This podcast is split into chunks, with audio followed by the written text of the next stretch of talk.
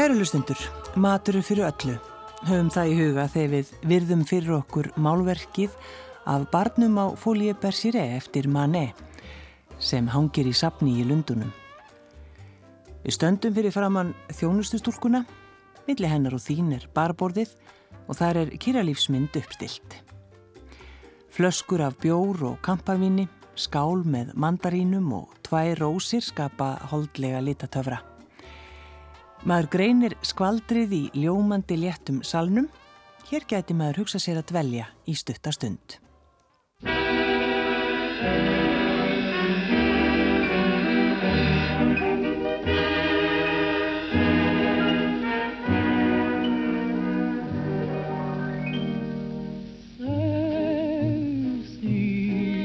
facile de vous aimer, de passer vie à vos pieds. Ce être si doux.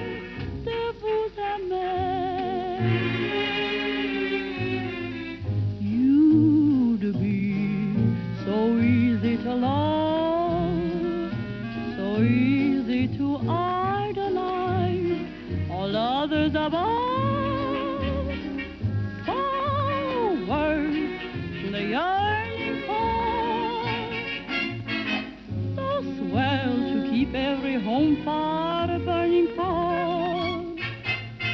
We'd be so grand at the game, so carefree together that it does seem a shame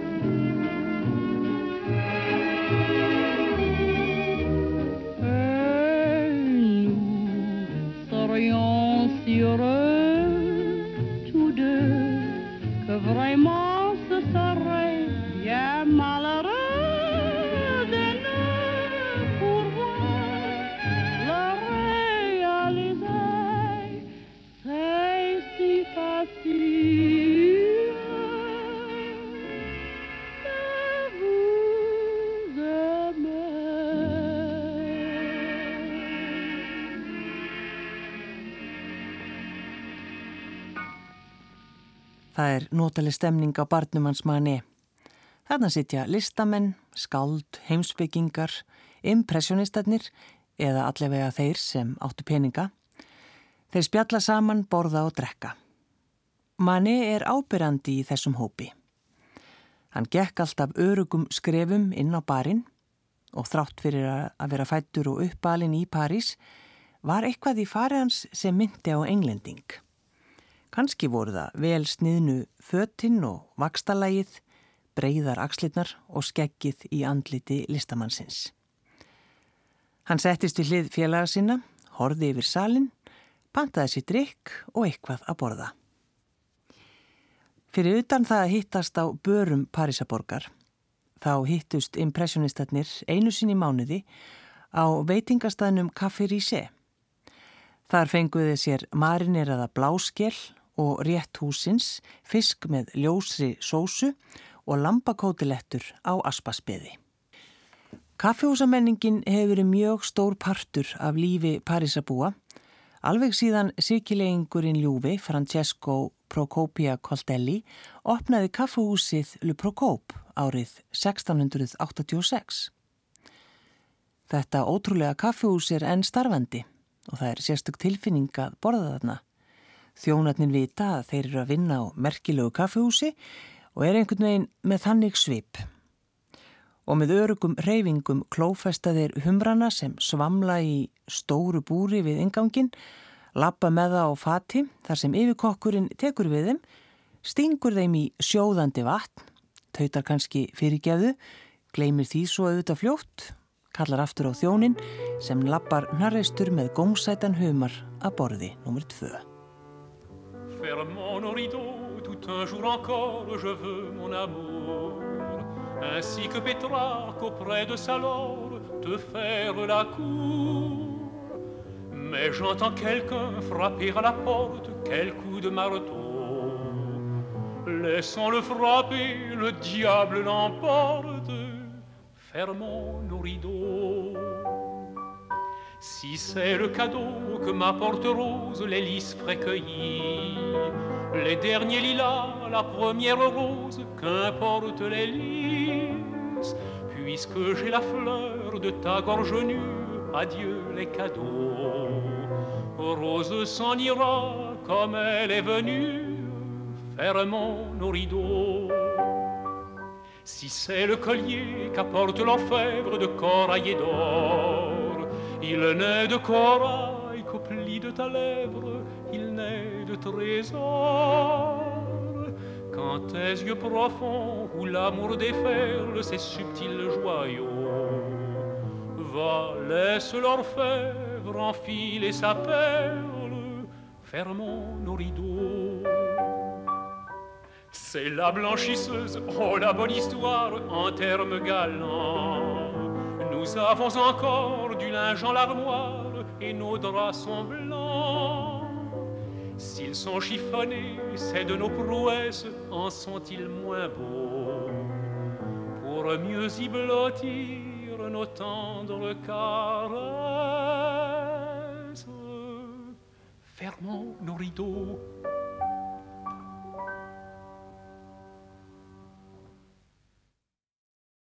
Við lok átjöndaldar voru kaffihúsin í París orðin 700, kartlæg með afbrygðum, konum var meinaður aðgangur að kaffihúsunum. Það var einhvern veginn betra að hafa þær bara heima. Hálfri öll síðar voru kaffihúsin orðin 3000. Örlítil bylting hafði átt sér stað á þessari hálfu öll. Nú máttu konur koma inn á kaffihúsið en dvelja þó í sér herbergi. Árið 1916 voru sett lög sem bönnuðu konum að sitja á útikaffihúsum. Með þessum lögum heldu yfirvöld að þau var að sportna við vændi. Ils ne sont pas des gens à valse les bons rôdeurs qui glissent dans la nuit. Ils lui préfèrent la valse entraînante, souple et rapide où l'on tourne sans bruit. Silencieux, ils enlacent leur belle, dans la côte avec le cotillon. Léger, léger, ils partent avec elle dans un gai tourbillon. C'est la valse brune des chevaliers de la lune que la lumière importune et qui recherche un coin noir. C'est la valse brune des chevaliers de la lune, chacun avec sa chacune, la danse le soir. Ils ne sont pas tendres pour leurs épouses, et quand il faut, savent les corriger. Un seul soupçon de leurs âmes jalouses, et les rôdeurs sont prêts à se venger. Tandis qu'ils font à Berthe, à Léonore, un madrigal en fait de leur façon. Un brave agent de son talon sonore souligne la chanson. C'est la valse brune des chevaliers de la lune que la lumière importune et qui recherche un coin noir. C'est la valse brune des chevaliers de la lune, chacun avec sa chacune, la danse le soir. quand le rôdeur dans la nuit part en chasse et qu'à la gorge il saisit un passant. Les bons amis, pour que tout bruit s'efface, non loin de lui chantent en s'enlaçant, tandis qu'il pille un logis magnifique ou d'un combat qu'il sait sortir vainqueur. Les bons bourgeois, grisés par la musique, murmurent tous en chœur. C'est la valse brune des chevaliers de la lune que la lumière importune et qui recherche un point noir. C'est la valse des chevaliers de la lune, chacun avec sa chacune, la danse le soir.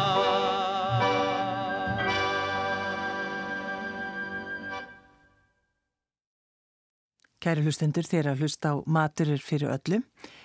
Matgæðingur þáttarins getur bæði sungið og eldað. Hann heitir Marius Sverrisson.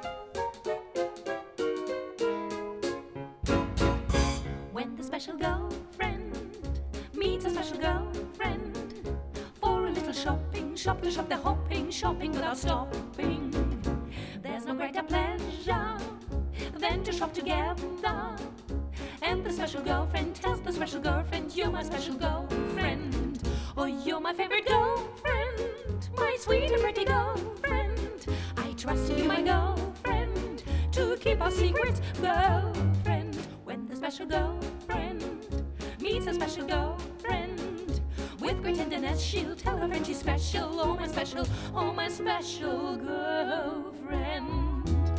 So, what does my special girlfriend say about that? Well, I can only tell you one thing. If I didn't have you, we get on so We get well. on so awfully Oh, well. how well we get on together. It's almost unbearable how well we get on together. Yeah. There's only one other person I get on so well with. Uh, With my sweet little man. yes, with your sweet Ah. little man.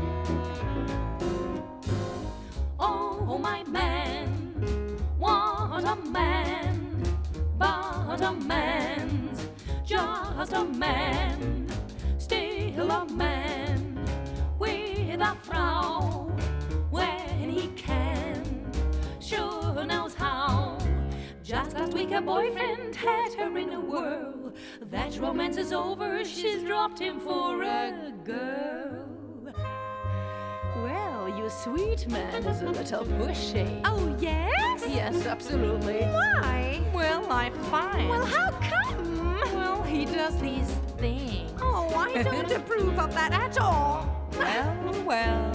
Oh, come on, let's kiss and make up. Okay, love, let's make up.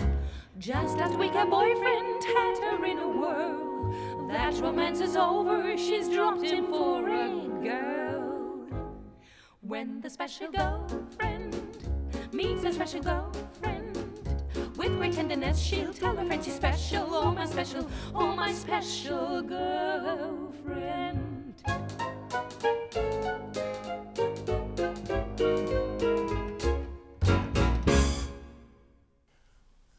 Matgæðingur þáttarins er Marius Sverrisson, söngvari. Takk fyrir að koma.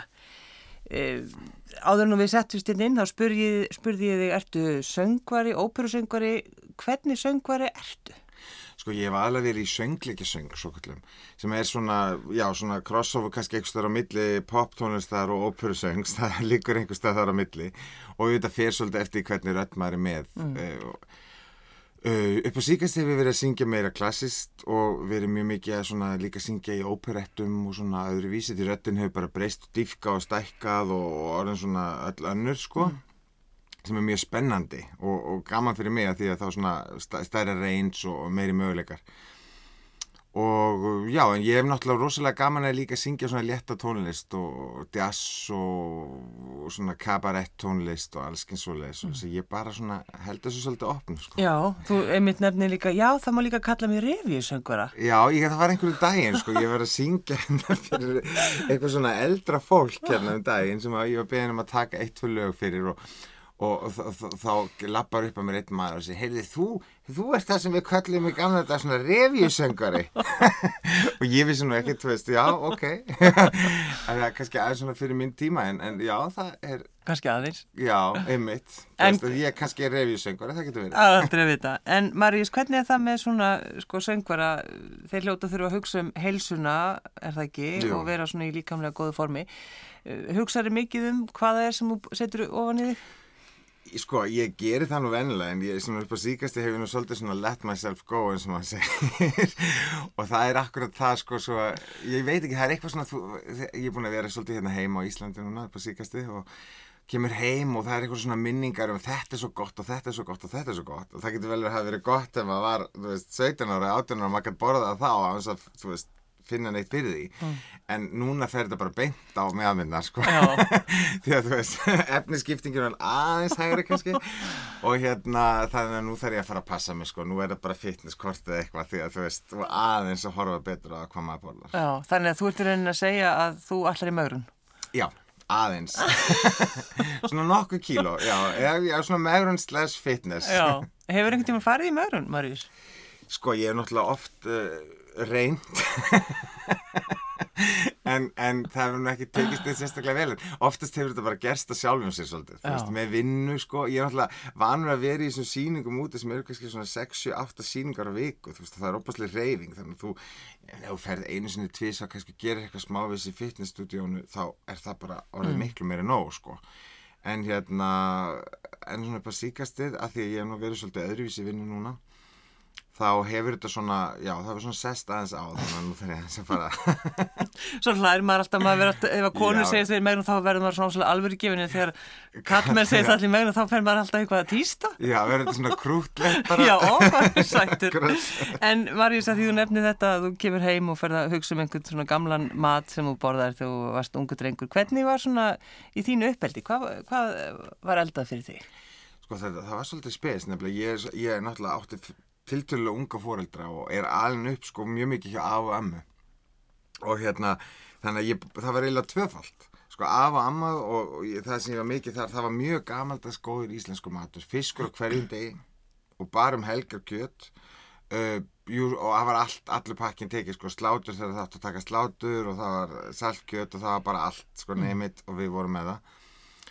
Svo aftur á móti ferðaðist ég mikið náttúrulega með mömmu því hún var söngkona á þessum tíma var að læra söng bæði í Vínaborg og Ítalíu þannig að við fórum þá voru náttúrulega í Vín og þá voru það Vínasnitselinn og grilluðu kjúklingarnir og allt þetta sko sem var þá ekki mikið á Íslandi, það var ekki mikið kjúklingar þá það var ekki svona vinsælt og svo hérna og svo á Ítalíu náttúrulega pasta og pizzan og allt þetta dót sem var heldur eiginlega ekkert komið hinga sko nema þú veist ég með hopni og opna hvað 7, 8, 9 eitthvað Já, svo já. fyrsta pizzastæðurinn sko og hérna, þannig að þetta var svona þú veist, þetta var svona svolítið tvöfalt sko. Svona bæði mjög sem, þá þóttu allavega exotist, nú er náttúrulega þetta bara daglegu matur og nú er það eitthvað svona þú veist, eitthvað ráfæði eitthvað sem exotist en já, þannig að þetta hefur verið svona svolítið svona 50-50 sko. Já, er það ekki rauninni svolítið bara góður, góður kokteil? það er nefnilega svolítið góða kóttel og að blanda þessu svolítið vel saman nefnilega. Og, og, en, en auðvitað mætti vera svolítið meira að þessu svona sko, fólki þetta, það var alltaf talað um á tímbilega þegar við borðum svo óholt, það er ekkert alveg rétt sko, ég held að fólk hann alveg borða frekar holt það að þau að borða fisklega með svona marga dagi í viku bara með kartöflum og kannski smá smjöri já. er ekkert sérstaklega óholt það vantaði kannski smá græmmiti svona inn í fæðuna en, en öðru leitinu held ég þetta hafa nú verið svona hotlar, svona að borða pítsu og svona Já, Eh, manst þú, Maríus, eftir því þegar þú fórst sjálfur að elda svona hva- hvað það var sem að, Já, mjög snemma sko. Já. Ég flutti nú bara heimann, ég held bara átjána eitthvað. Og hérna, þá byrjaði ég náttúrulega að experimenta. Og þá var komið, þá voru konar svona fyrstu asísku búðirna hérna í Reykjavík og þá var þetta að kaupa mjög svona mjög svona spennandi mat, skiluru og þá fór ég bara að krydda, krydda, krydda, krydda, krydda, sko, þú veist, fyrst alveg bara allt og mikið. Og það var allt sem ég eldaði mjög stert já, svo gæti enginn borða nema ég, það var ágætt. Ég var alltaf mjög svangur. Og hérna, en uh, svo skal ég segja hérna já, svo þegar ég fór út til Vínaborga þá svona aðeins fór ég svona ó, læra að elda. Já, þú veist, þeir eru náttúrulega svona það var, gott ráefni, þú veist, alls konar ráskingur og parmesan ostur og ferskir og opaslega góði tómatar og þú veist, og svona þá fór ég svona að læra þetta meira, þú veist, maður fór náttúrulega þú veist að svona hafa meiri áhuga á því að hafa ráefni svolítið gott. Já, það var í lala það, þú veist ég held ég ekkert svona alveg vita hvað virkilega gott ráefni var sko, auðvitað náttúrulega ítali, ég maður man alltaf maður kom til ítali og bara bræði tómata og það var ekkert sami í maturinn, það voru ekkert sömu tómatarnir það var bara allt annað matur, já, já. og hérna en það var semst, já, ætla hef ekki verið í Vínabór þá náttúrulega fór ég alveg að búa einn og þá eldaði ég mjög mikið sko. Já, þá ert þú, Marís, þá ferð þú semst að læra söng, þannig að þú, þú ferð í raunin á sama stað og, og, og, og móðið þín. já, ég fór líki tónlistarháskólinni í Vín sko, sem var bara mjög, mjög gaman, það var svo opbúslega fallið staði líka að vera þetta svona út við hliðinu sjömbrunhöllinni inn í svona við næstu í svona, ekki kannski beint skói en þetta er bara, þú veist, æðislega skil að fara að skokka í sjömbrungarðinum í fríminútum, ef maður segja sem svo eða, í pásunum sko og þetta svona, var mjög þetta var svona svo lendi draum í smástund sko. Já. það var bara svona einhvern veginn, wow, ok, hvað gerðist? Og, einhver, einhvers þar inn í þessum draumir hlýtur hérna sakkartertan að hafa komið Já, þetta var alveg, sko, þá brendi ég svo mikið, sko, þá var það ballettímar á hverju mótni, jassi eftir mig daginn og hérna, þannig að þá skipti þetta engum máli, ég gæti bara þrísa fjóru sem að dag og bara hakkað í mig, sko, það bara fór, hvitt, En hvað með eins og þessar, þessar köku, þessar frægu súkulega já, köku? já, hún er aðeinsleg. Hvað er það við hana sem er svona gott? Það er sultan, Já, er, hún, aprikósu. hún er, sko, þeir láta búa til sultuna, einhverju sérstökum stað. Er, það er aprikósusylta það er aprikossulta en hún er gerð bara fyrir þá og hérna hún er gerð skal ég segja þér, ég spurði einhvern tímann aðeins þegar ég var að syngja Hotel Sacher fyrir einhverja veistlu og hérna og þá var einhver svona yfirþjóðlanda og ég nappaði með hann og spurði hvernig er þetta eiginlega gert? Hann sagði þetta er algjört leyndamál Já, já. þetta er geimt inn í einhverjum hérna svona safe sko. Já búið að geima þið hundra ár. Og hérna og þetta er bara einn ákveðin bóndi held ég eða eitthvað sem býr þetta til fyrir þau. Og hérna það er bara uppskera á einhverjum ákveðnum tíma svo er þetta bara svoðið niður og svona. En svo er eitthvað sérstak, þeir gerir þetta eitthvað sérstakann hátt og, og, og fyrir utan náttúrulega öll uppskriftin er náttúrulega þræl prófuð og, en það eru þetta margar aðra sakatörtur í Vín sko en það er bara þessi eina sanna og hún er öðruvísin hinnar Þa, það er á, á á hótelsakar. hóttasakar, já. Já. og hún er með stimpli og gæðastimpli og þannig að það er, já, ég, það er sultan, hann sagði það já. leyndamáli liggur í sultunni einhvers tíma las ég að þeir hýtan eða einhvern veginn þannig að þeir þeir smyrja hana ofan og súkulaði og kökuna, getur það verið? sko, svo, já, það er það, súklaði náttúrulega er mjög, líka mjög spes, veist, Já. það er svona en, en sko, hinn er násamt súkulaðin oft, sko, þetta er eitthvað svona bara aðferð, þetta er svona glassúr, einhver ákveðin glassúr en þeir ná ekki alveg, sko sömu sultunni, ekki sama bræðin það er eitthvað svona trikki, þeir gera mikið sjálfur, sko, sakar, þeir eru líka með í kampavín og og svona, Og nú ertu komið hugmynd að sakkar og, og, og og kampaðislega. kampavísklasi það er bara svo leis, hann á þetta að vera Eins og þetta fyrir þig að vera að syngja á Hótel Sakkar, hvernig, hvernig var svo tilfinning? Það var mjög gaman. Þetta þetta var náttúrulega svona svolítið, þetta var, um, við vorum beinum að gera þetta fyrir fyrirtæki, þýst, eitthvað svona bankastarsmenn. Eða þú eru ekki bankastarsmenn, eitthvað svona yfirmenn, einhverja banka og eitthvað svona stóri kallar já, og konur.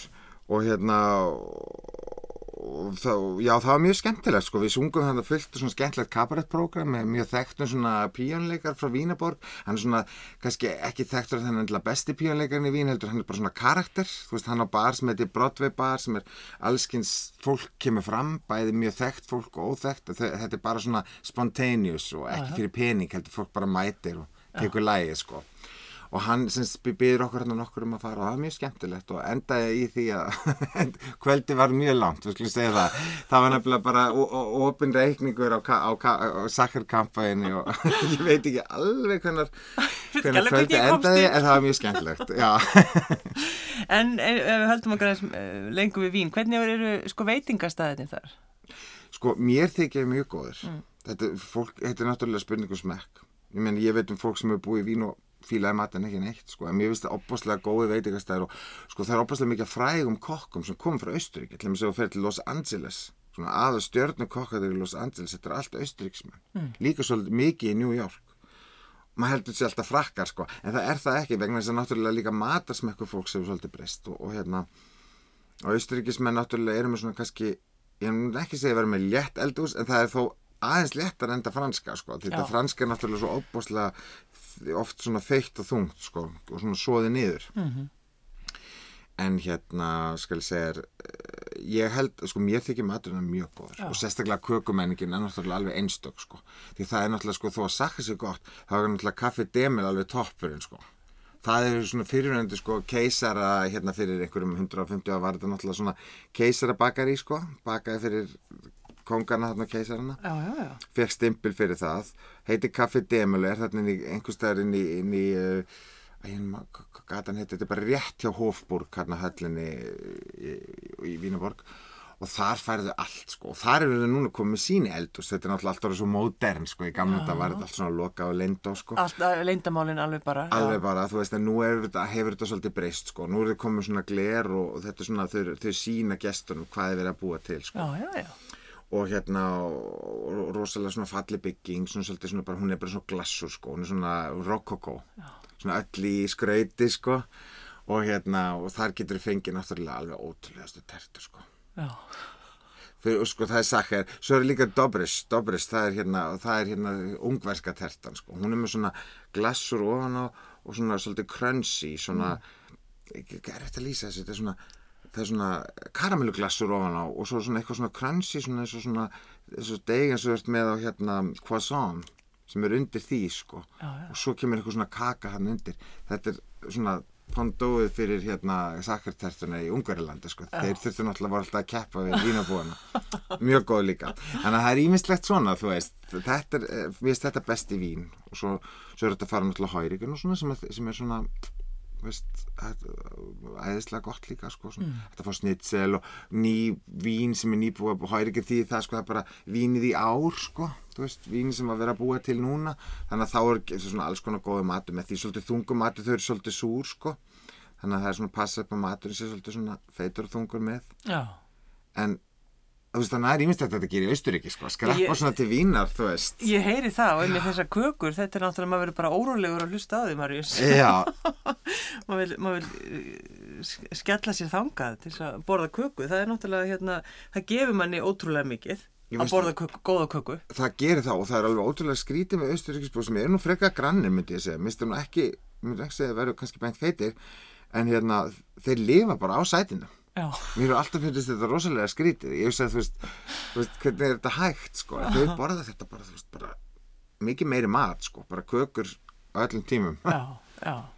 En hvað með þig, Marius, sérðu sko þegar þú ert eins og þetta, þú, þegar þú hefur mikið að gera, þegar Já. þú ert í, í þínum ferðarlögum og, og ferðast um og svona, hvað er það þá sem þú borðar?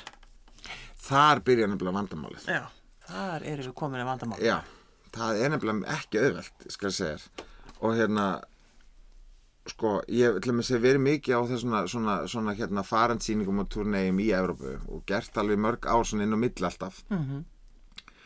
og hérna var svona, svona ímsu svona bæði appassionata sem ég var í núna bara fyrir stuttu og svo líka hérna svona söngleikja highlights, svona best of musical sem ég fóð mig út um allt alveg sko bæði Austuríki, Þýskaland og Sviss og svona nokkar aðra svoleið sýningar og, og þá ertu sko á hverjum einasta degi að sína hverjum einasta degi nýrri borg keiri stundum 200-300 km á milli eða flýgur fyrir eftir hvað er langt og hérna og ert kannski, þú veist, hefur engan tíma til að borða neitt almennlegt þú veist, þannig að þú hefur eiginlega valið á milli þess að borða klukkan 12 á miðnætti eftir að búið með sýninguna sem þið langar ekki sérstaklega til að gera því þú vilt reyna að sofa svolítið vel eða borða, þú veist, bara á næsta skilur Subway eða McDonalds skilur áður nú sýninguna af því þú getur ekki borða rétt en maður fyrir á svið. Nei, nei.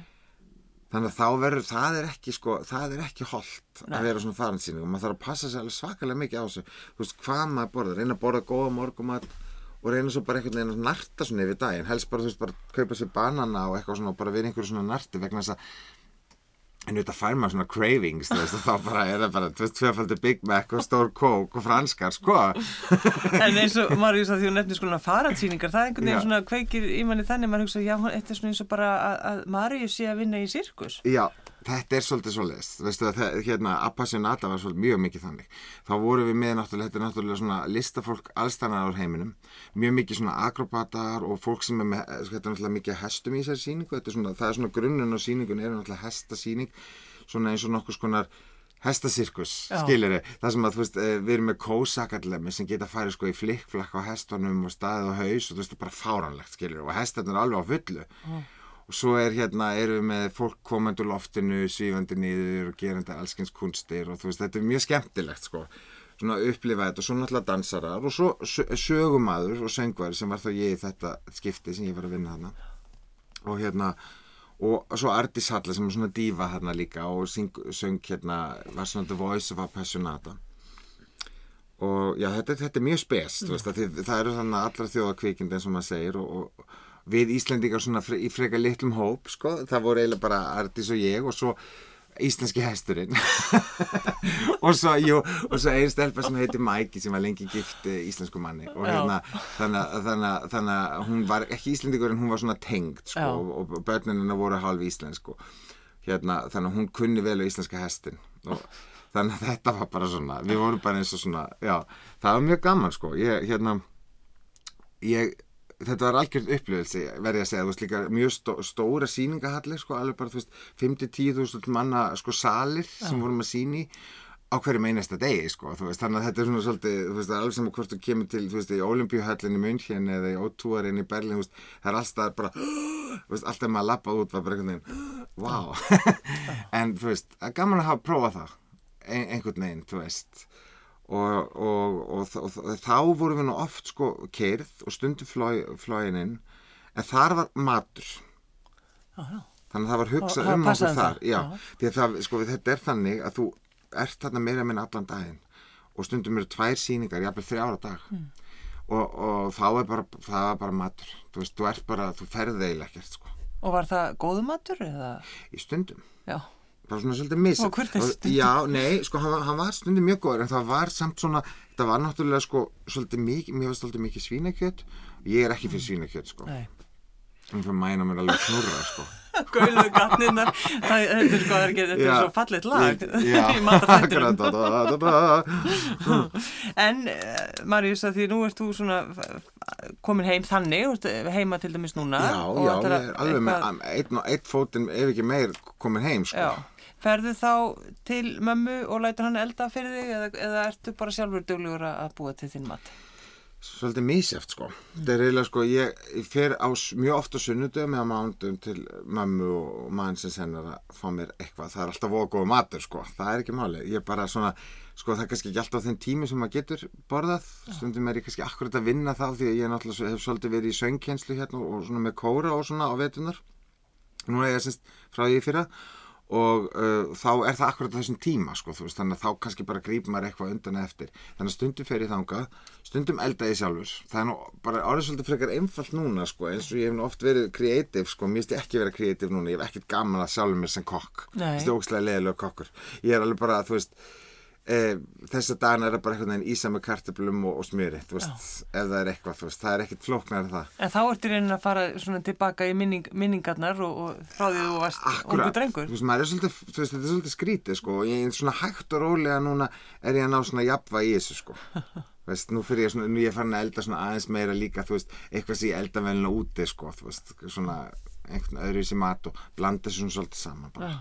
Hvað með matabóð? Ertu duglegur að halda slíkt? Já, ég, þegar ég, sko, já, ég hef nú ekki, ekki verið það núna hér, en ég hef verið mjög dögulegur að gera það úti alltaf, sko, þegar ég búið þar, að- hef reynd að gera það, bjóða fólki svolítið heim. Já. þá elda ég alveg voða gott sko með svona, ég held um daginn svona 50s matabóð Segðu okkur aðeins frá því. þá var það semst þannig að þema var sko svona 50s og það þurfti allir að vera klættir svona 50s stæl sko.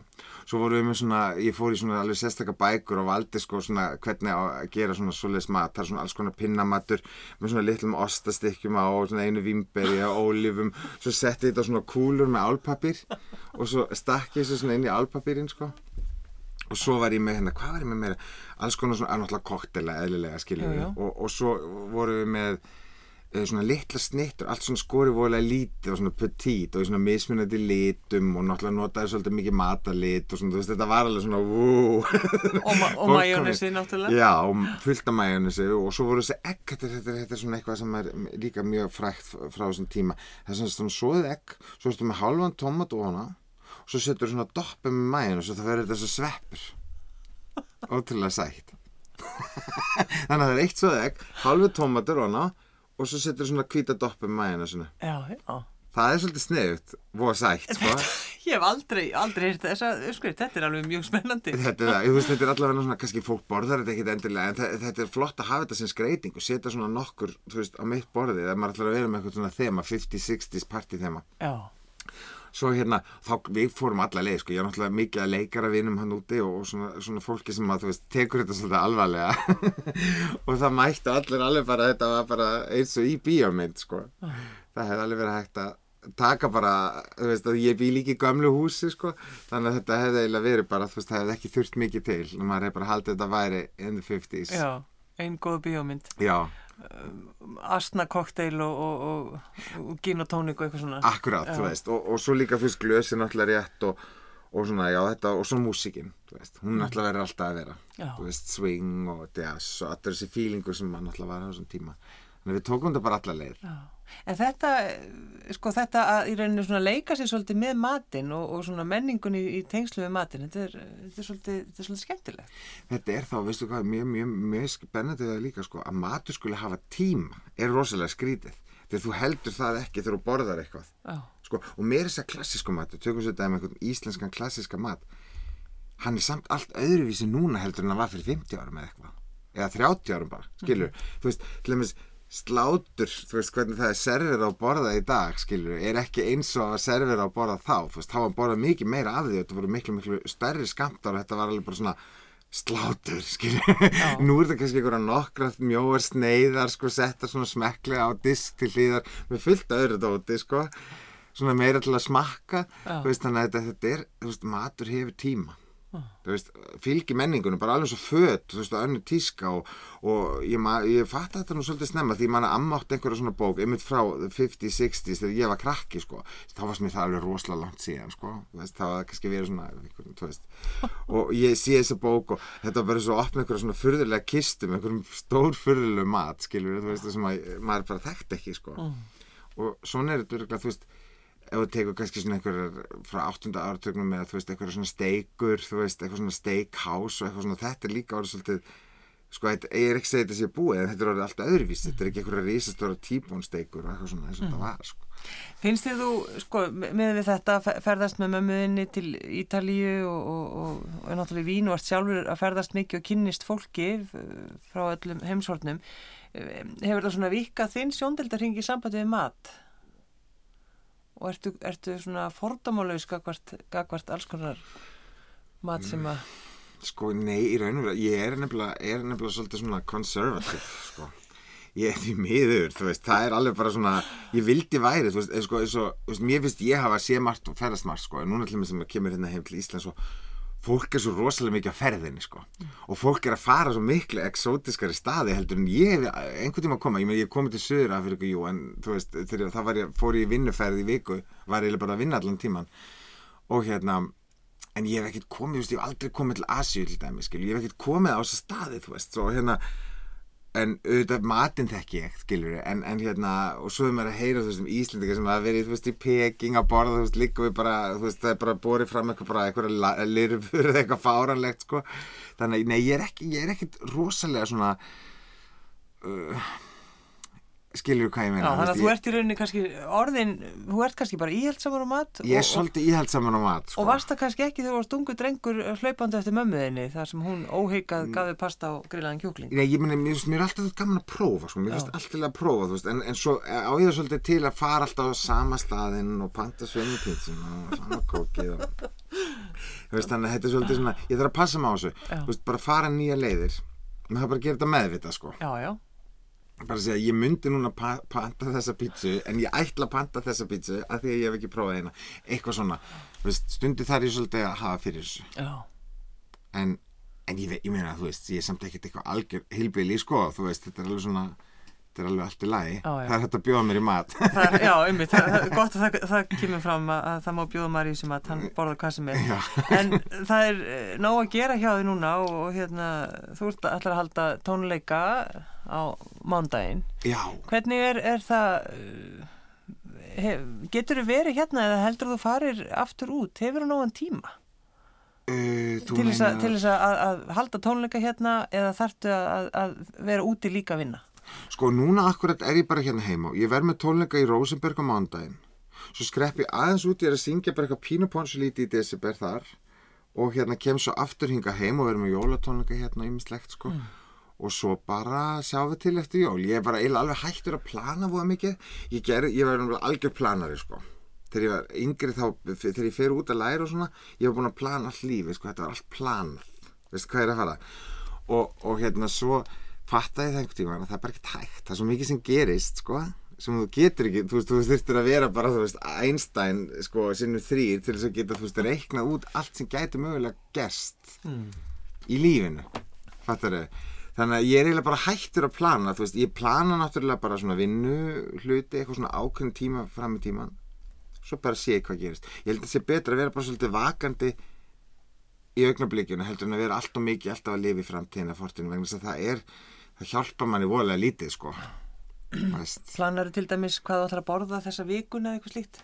Ég ætla að reyna að borða aðeins minna þessa vikuna Ég ætla að vera svolítið fitt á tónleikanum á mándaginn Já, þú, hefur smá, smá tíma til þess að Já, algjörlega og það, þú veist, ég verð það alveg og ég er alveg, í sko, ég er í rosa stuði sko, mér finnst opaslega gaman núna ég er einhvern veginn svona, veist nú, að ég er búin að vera svolítið líka heima og það er alltaf svolítið erfitt fyrir sko söngvara og örgulega meirinn aðra en söngvara en sérstaklega fyrir söngvara sem koma til Íslands eftir að vera búin að vera úti og svona finnst þið þurfa að sanna sig eitthvað sérstaklega, skilur hvað er að fara? Veist, þetta svona, þetta skekkir svolítið myndin sko, veist, sem er haldið á ertu rosalega frægur, þú veist, og aðrir eitthvað svona, æ, hann nú bara ekki að gera neitt, eða skilur og þetta er eiginlega svona kvorugt, sko, það, það er ekki sem að sé, hafi ekki verið að gera neitt spennandi en maður er kannski heldur ekki einhver, superstjarn í útlöndum, þannig að þetta er bara svona einhver balans þetta er að finna þarna.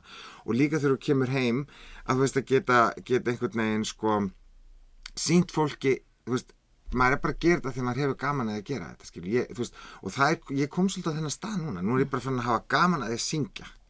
Og mér finnst opaslega gaman að skemmta fólki og vera, veist og þar er einhvern veginn, ég held að þar er gleðin í þessu. Ekki vera að sanna sig sín eitthvað eða, eða þykjast vera eitthvað annað en maður er. Heldur bara, veist, þetta er bara þessi communication á milli áhorfendans og söngvarans. Skilur og ef hún nær því, það er æði. Það er ástæðan fyrir að fólk gerir þetta sko í raun og veru nefnilega. Ekki eitthvað, veist, ekki peningar, ekki fræð ekki fram, ekki neitt, skilju, því það er þá átt að velja eitthvað annað, þú veist, þá átt að vera ríkur þá átt ekki að fara í þetta. Þá átt að fara að gera eitthvað annað, þú veist, þá átt að fara að hérna, ég veit ekki þú veist, vinna í banka. Ég, meina, eða þú veist, verða bankastöru eða eitthvað eða ætlar að græða peninga, en, en hérna ég, en þið langar að gera eitthvað fyrir svona eitthvað, eitthvað skemmtilegt, þá er þetta alveg rétt þú veist, mér bara þessi tenging nærði það er svona moment sem gerist sko. þau gerist ekki alltaf. Þetta er líka oft kallaður þroski já, getur verið, já, getur verið sko, þú veist, algjörlega. Ég, meina, þú veist, ég er alveg búin að fara allar ringi með þetta sko, þú veist, alveg frá því að finnast þið vera bestur í heimi og finnast þið vera ömulegur og það er svo fyndi núna, þú veist, þegar fær, maður fær svona nemyndur og þú sér stundum sko, munurinn. Þú veist, kannski, einn daginn er það ó, ég er bara svo æðislega, þú veist, ég get alltaf að tala við neitt sko, og svo hinn daginn einhvern veginn veist, ég kann ekki neitt og ég að það er hvorugt.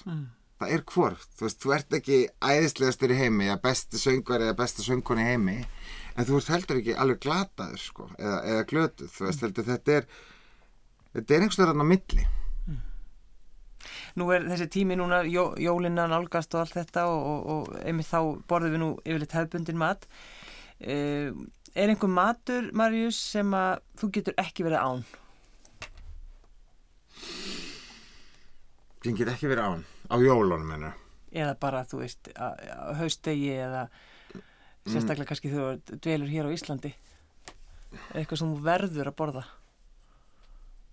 sko, Kókosbólur? nei, eitthvað svona sem, nei, mér finnst, sko, ég meina, mér finnst náttúrulega, ég er mikið fyrir fisk. Það er ekki allir mikið fyrir fisk, mér finnst fiskur mjög góður. Ég get ekki verið án, mér finnst, finnst lambakjöti æði. Já. er vel eldað, þú veist og það, mér, ég meina alveg meira háttur á jólum hefur alltaf með hambúrgarrygg og svona ég gæti samt alveg verið án þess, skilju, ef ég er þið grammitseti eitthvað ég myndi bara ákveða að sleppa því að borða kjöt, ég held að það er ekkert vandamál sko, þú veist þannig að það er kannski ekkert beint sem ég get ekki lifað án en, en mér finnst þú gott að þetta sé allt þarna Já. þetta er mjög diplomatist. já, en, hérna, en það svar. er eitt sem ég hef ekki, ég ég borð ekki hangikjöt hef aldrei gert sko já. Og ég borð ekki svona fullt af svona mat sem að tilheri jólunum. Og mér er oft bóðið eitthvað svona jólabóð þú veist svona hangikjötsbóð og eitthvað svona fjölskyldan og alltaf svona, jæja ok, þú veist, ég bara hef ekki, það er og ég veit, það er auðvitað bara ekkert holdt fyrir mig skilur, þú veist, það er náttúrulega bara of salt og eitthvað og svona ég en, jú, harfiskur, mér finnst það æðislegt.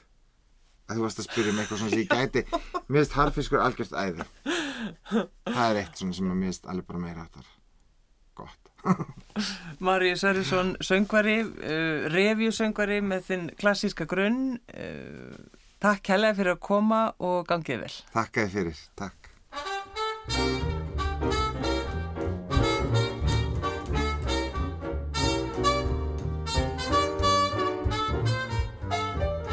What a day this has been, what a rare mood I'm in.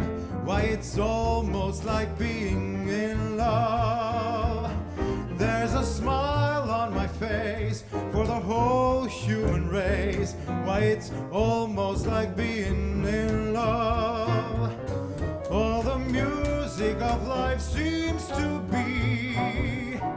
like a bell that is ringing for me. And from the way that I feel when that bell starts to peal, I could swear I was falling. I could swear I was falling. It's almost like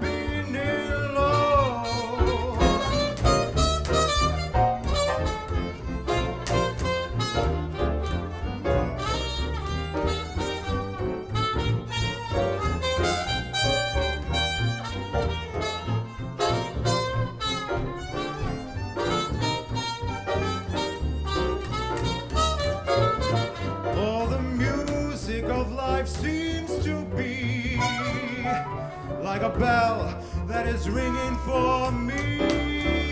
And from the way that I feel when that bell starts to peal, I could swear I was falling. I could swear I was falling. It's almost like being. Yeah.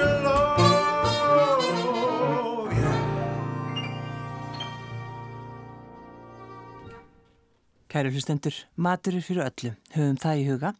Gangi ykkur vel að elda og verð ykkur að góðu.